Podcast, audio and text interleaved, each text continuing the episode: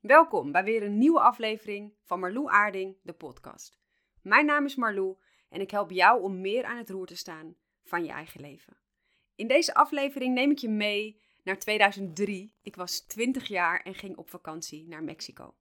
Deze reis kreeg ik cadeau van Els. En Els is, wat ik altijd aan anderen omschrijf, was mijn bonusmoeder. Ze is ondertussen helaas overleden, maar ze heeft een heel bijzonder plekje in mijn hart. Uh, altijd al gehad. Dus dat ik die reis met haar mocht doen, was voor mij heel erg bijzonder. Het was ook mijn eerste reis waarop ik ging vliegen, uh, waarop ik überhaupt buiten Europa ging. Haar dochter was ook mee, dus we gingen met z'n drieën naar Mexico toe.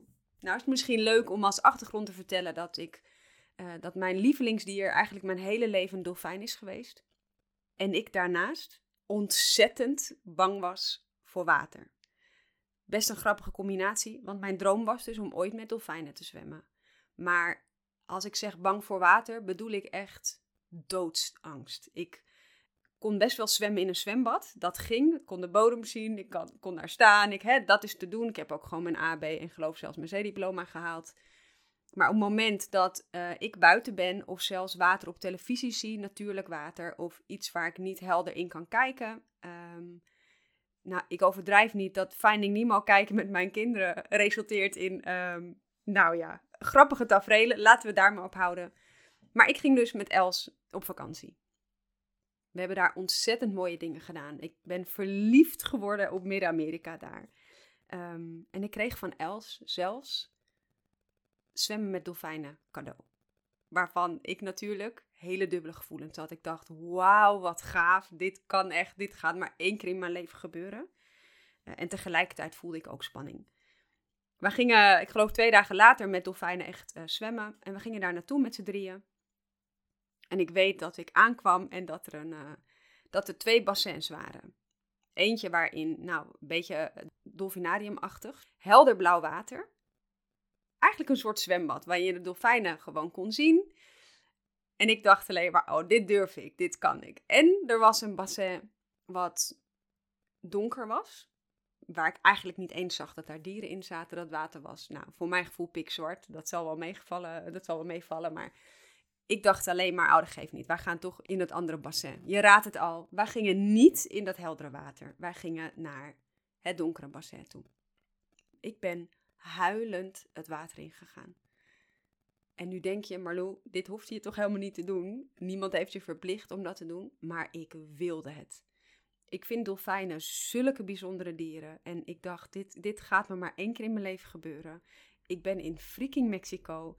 Hel je dat ik met die dolfijnen ga zwemmen. Maar ik was doodsbang. Huilend het water in. Nou, nog net niet hyperventilerend hing ik aan de rand van dat bassin.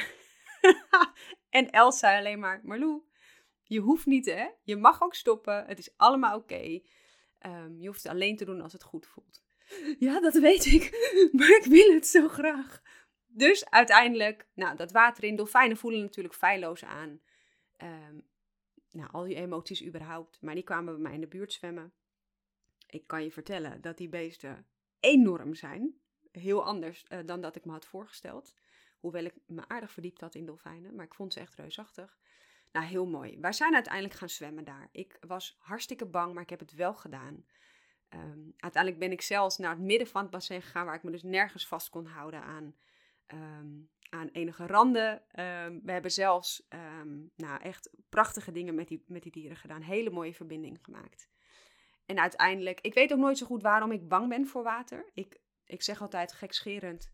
Ik denk dat ik in mijn vorige leven een trauma heb meegemaakt. Nou, dat denk ik echt, oprecht. Want die angst zit zo diep. Uh, en het is de angst voor haaien. Het is de angst voor water. Het is de angst voor het leven onder water. Ik heb geen idee. Maar wat gebeurde er nou in dat bassin? Wij waren in het midden en het was bijna voorbij. En die man zegt, misschien is het leuk om even te vertellen, de bassin had een achtvorm. De vorm van een acht. En in het midden van die acht was het afgesloten met een hek. Dus wij zwommen in, in de helft van dat bassin. En hij zei, toen wij dus daar in het midden van het rondje waren: uh, Jongens, jullie hebben vijf tellen om naar de kant te zwemmen. Dan gaat dit hek omhoog en dan komen de haaien erbij. Nou, het was natuurlijk een grapje. Nou, ik weet niet eens of ik bedacht dat het een grapje was. Ik heb nog nooit in mijn leven zo snel gezwommen. Nou, ik, ik was ontzettend bang. Maar goed, we hebben ook ontzettend gelachen natuurlijk. En het fijnste gevoel was dat ik het mooi wel gedaan had. Ik was ontzettend trots op mezelf en ik, het, het was zo fijn. Het gaf me zoveel vertrouwen. Later in die vakantie heb ik zelfs nog, ik kan bijna niet geloven dat ik dit ga vertellen, gedoken. Was overigens ook uh, niet verplicht. ik ben niet gepusht of geduwd. Maar uh, was heel leuk, want Els en haar dochter Fleur zeiden tegen mij: uh, ja, We willen graag gaan duiken, ga je mee? En toen dacht ik: Nou, als ik die dolfijnen aan kan, dan moet ik dit ook kunnen. Nou, ook weer ontzettend hilarisch. Er was een hele leuke duikinstructeur. Echt zo'n Australian guy. Nou, we zaten alle drie natuurlijk hartstikke leuk te doen daarover. En we moesten op een steiger gaan staan. We waren helemaal aangekleed. We hadden les gehad, instructies. Geen idee. Ik heb zelfs een certificaat gehaald, geloof ik. Dus je moet je even voorstellen dat ik daar dus sta op een soort steiger die heel erg lang is en die dus boven de zee is, zeg maar. Ik sta daar dus met mijn flippers aan, met een duikfles op mijn rug, helemaal ingepakt en gesnoerd. En, uh, en die man zegt tegen mij, Marlou, ik tel tot drie. Bij drie laat ik je duikfles los. Hij ondersteunde dat, omdat hij natuurlijk vrij zwaar was. Uh, op het moment dat je loslaat, val je ook. Dus jij, jij, moet een stap zetten in dat water. Want als ik je loslaat, moet je niet op die steiger klappen. Dan moet je in het water vallen. Prima. Nou, ik denk dat we wel tien keer tot drie hebben geteld. Want ik dacht steeds bij twee. Nee, nee, nee, nee, nee. Wacht even, wacht even. Ik, dezelfde angst kwam weer om de hoek. En ik vertelde het natuurlijk vrij hilarisch, maar oprecht. Iedere vezel in mijn lijf zei: doe dit niet. En het bizarre is, ik geloof dat als je iets echt niet durft. Kijk, ik ben ook bang voor spinnen. Dat ga ik echt niet opzoeken. Ik ga heus niet in een soort bak zitten waar spinnen over me heen kunnen lopen. No way, José. Daar haal ik helemaal niks uit. Maar dit wilde ik op de een of andere manier. Er was iets in mij wat me ontzettend motiveerde om dit te doen. En dat duiken ambieerde ik helemaal niet. Had ik ook niet van tevoren bedacht. Maar ik denk dat dat bij het gevoel vandaan kwam wat het me gaf als je voorbij die angst gaat. Wij stonden daar dus af te tellen. Nou, uiteindelijk durfde ik die stap te zetten bij drie. Hij liet mij los. En je bent natuurlijk hartstikke zwaar. Ik weet niet of je zelf wel eens gedoken hebt. Ik vertel dit alsof niemand dit weet, want voor mijn gevoel was dit zo bijzonder. Maar misschien heb jij al tien keer gedoken. Maar de flessen op je rug zijn zo zwaar dat je gewoon, nou, voor je gevoel zink je bijna eerst naar de bodem van de oceaan voordat je weer naar boven komt. Ehm, en ik lag daar in het water. Ik vergeet het echt niet meer. Ik keek naar boven en ik dacht alleen maar, ik wil niet naar beneden kijken. Ik wil niet naar beneden kijken. Oh my god, ik ben in de oceaan. Ik ben in de oceaan. En ik lag daar en doodsbang nog steeds, maar nog steeds vast besloten om door te gaan. Uiteindelijk zijn wij dus gaan duiken, uh, Els, Fleur en ik, de zee ingegaan met de instructeur. En misschien vertel ik het een beetje warrig. Ik heb denk ik ook echt maar flarden onthouden. Maar het was ik, het meest vredige moment wat ik ooit meegemaakt heb. In het water zelf, toen ik eenmaal onder water was, was mijn angst weg. En het is niet zo dat, het, uh, dat alles ineens een soort. Het was gewoon niet op de voorgrond. Het, het, was, het is moeilijk uit te leggen, maar het was gewoon zo vredig en zen. Je hoort weinig, je kunt weinig. Je, het is heel mindful. Um, hilarisch tafereeltje ook meegemaakt. Want er waren natuurlijk signalen die je kon geven als het niet lekker ging of wel lekker ging. We werden ook gefilmd onder, eh, geen idee waarom, maar je kreeg later een dvd mee. Nou, waarop je dat dus terug kon zien. En het allerleukste was dat Els een badpak aan had, wat afgezakt was. Dus Fleur en ik zagen haar borsten. Wij dachten alleen maar, dit wordt gefilmd. Dus wij moeten haar even een signaal geven dat ze even haar um, nou ja, de badpak omhoog trekt. Nou, we hebben geseind tot we ons wogen. Het is nooit aangekomen, het signaal. En zij seinde alleen maar terug. Ik weet niet of je het signaal kent. Maar je maakt een rondje met je wijsvinger en je duim. Je doet je drie vingers omhoog van het gaat goed. En zij seinde alleen maar terug. Het gaat goed hier. En ik dacht, ja, het gaat goed. Maar je tieten hangen uit je badpak. Dus fijn dat het goed gaat. Nou, het mooie is dat dit ook gewoon op die film staat. Hilarisch. Dus nou, het is een avontuur. Ik meen het, als ik op mijn sterfbed lig, ga ik hier nog aan denken. Die reis heeft zoveel voor mij gedaan in mijn leven. En ik vertel je dit omdat ik tijdens die reis dingen heb gedaan waarvan ik nooit dacht dat ik dat zou kunnen. Waarvan ik nooit dacht dat ik in staat was om mezelf zo ver voorbij mijn angst te pushen eigenlijk. na die reis, ik kwam thuis, ik voelde me echt on top of the world gewoon. Het was voor mij een soort zelfvertrouwen next level. Ehm, ik gun dit iedereen. Dit is, dit is niet te omschrijven. Dit heb ik ook nooit op een andere manier uh, geëvenaard. En het heeft zelfs gemaakt, die reis. Hè, ik vertelde je net al dat mijn liefde voor uh, Midden-Amerika daar ontstaan is. Dat ik twee jaar later alleen naar Guatemala ben gegaan voor drie maanden.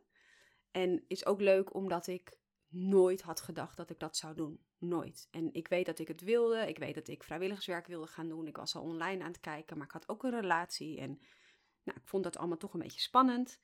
En mijn relatie ging uit. En ik, nou, ik denk dat ik in die week nog geboekt heb. Dat ik dacht, fuck it. Ik ga dit nu ook doen. Dus ik ben in mijn eentje, toen ik 22 jaar was, naar Guatemala gegaan. Ik heb daar in een gastgezin gewoond, Spaans geleerd, vrijwilligerswerk gedaan. Uh, het land ontdekt. Life-changing was het. En dit alles omdat ik eerder in mijn leven iets had gedaan waarmee ik dacht: als ik dit kan, kan ik alles. En betekent niet dat ik nu als een soort van Superman met een cape op mijn leven doorga, want ik heb nog steeds angsten. Ik heb nog steeds het als ik iets nieuws ga doen, dat ik in mijn broek poep. En dat kan zijn, ik ben twee jaar geleden verhuisd. We hebben ons koophuis verkocht. Een wat groter koophuis dan het huis wat we nu hebben. We zijn gaan huren. We zijn dus kleiner gaan wonen. Naar een andere stad. Neem maar van mij aan dat als ik zo'n stap maak, die ik volledig op mijn gevoel heb gemaakt, dat mijn hoofd ook af en toe even denkt: wat ga je doen? Weet je het zeker? En wat als? Dit heb ik ook toen ik mijn bedrijf opzette. En ik heb het iedere keer nog steeds als ik iets nieuws lanceer. Als ik een uh, dienst uitbreng waarvan ik heel erg enthousiast ben, dat helemaal opzet en daarna ineens denk, dan komen die stemmetjes die zeggen tegen mij, ja maar Marlou, wie zit er nou op jou te wachten? Wie denk je wel niet dat je bent? Waarom zou iemand dit van jou kopen? Dit is toch veel te veel geld?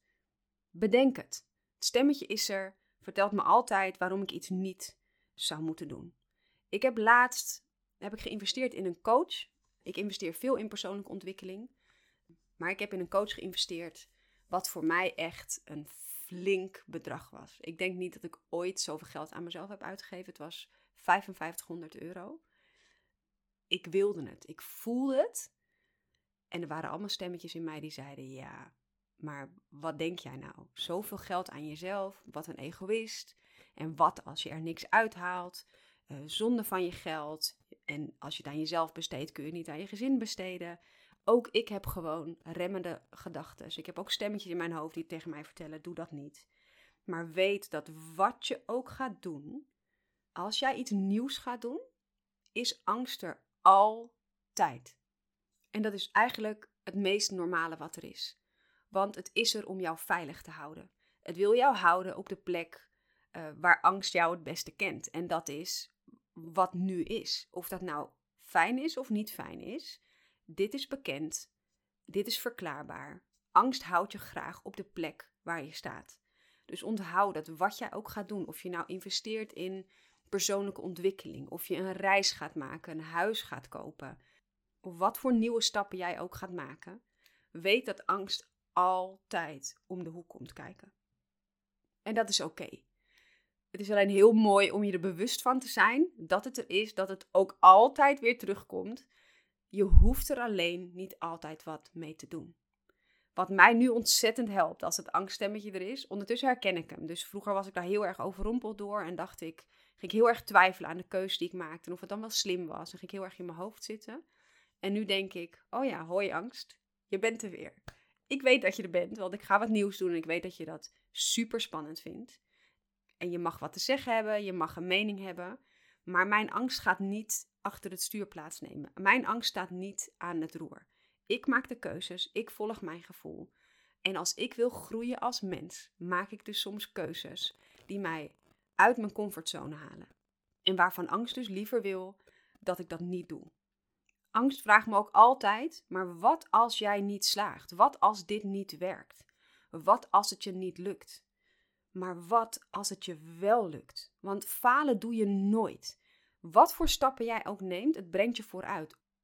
Ofwel je wint, dus je behaalt wat je zou willen behalen, of wat voor dromen jij ook hebt. Ofwel je leert. En dat is net zo belangrijk. Je verliest dus nooit welke stap jij ook neemt. Ik hoop dat wat voor stap jij ook gaat nemen, wat er ook op jouw pad komt. Misschien is er nu wel iets waar jij van denkt: oh, moet ik dat gaan doen of niet? Volg je gevoel, volg je hart. Ga doen waar jij van droomt, wat jou mogelijk vooruit helpt, al is het maar één stap. Alle keuzes die, die jij maakt voor jezelf brengen je vooruit. Ik hoop dat je motivatie sterker is dan je angst. Laat die angst er zijn. Voel het, maar maak de keuze om het toch te doen. Je bent sterker dan je denkt. Er is zoveel meer mogelijk dan je denkt. En onthoud maar dat als de stap klein is, hè, dus je gaat iets kleins doen wat een klein beetje spannend is, daar komt de angst even om de hoek kijken. Nou, over het algemeen kunnen we daar best mee dealen. Maar hoe groter de stap is, hoe groter buiten jouw comfortzone, hoe groter de angst is. Maar onthoud, hoe groter de angst, hoe groter de ruimte voor groei is. Dus volg je hart vooral en volg je dromen. Ik hoop dat deze podcast je geïnspireerd heeft om tot actie over te gaan of je misschien wel aan het denken heeft gezet. Ik vind het super leuk om van je te horen dat je luistert, überhaupt, maar ook wat het je gebracht heeft. Dus heel erg fijn als je eventjes een screenshot wil maken terwijl je nu aan het luisteren bent. Deel dit in je stories en vergeet me niet te taggen, Marlou Aarding. Een podcast maken is best wel eenrichtingsverkeer. Ik doe het met liefde, maar het maakt ook dat ik het zo ontzettend leuk vind om even van je te horen als je geluisterd hebt of als het je op een bepaalde manier geïnspireerd heeft. Dankjewel voor het luisteren en tot de volgende podcast.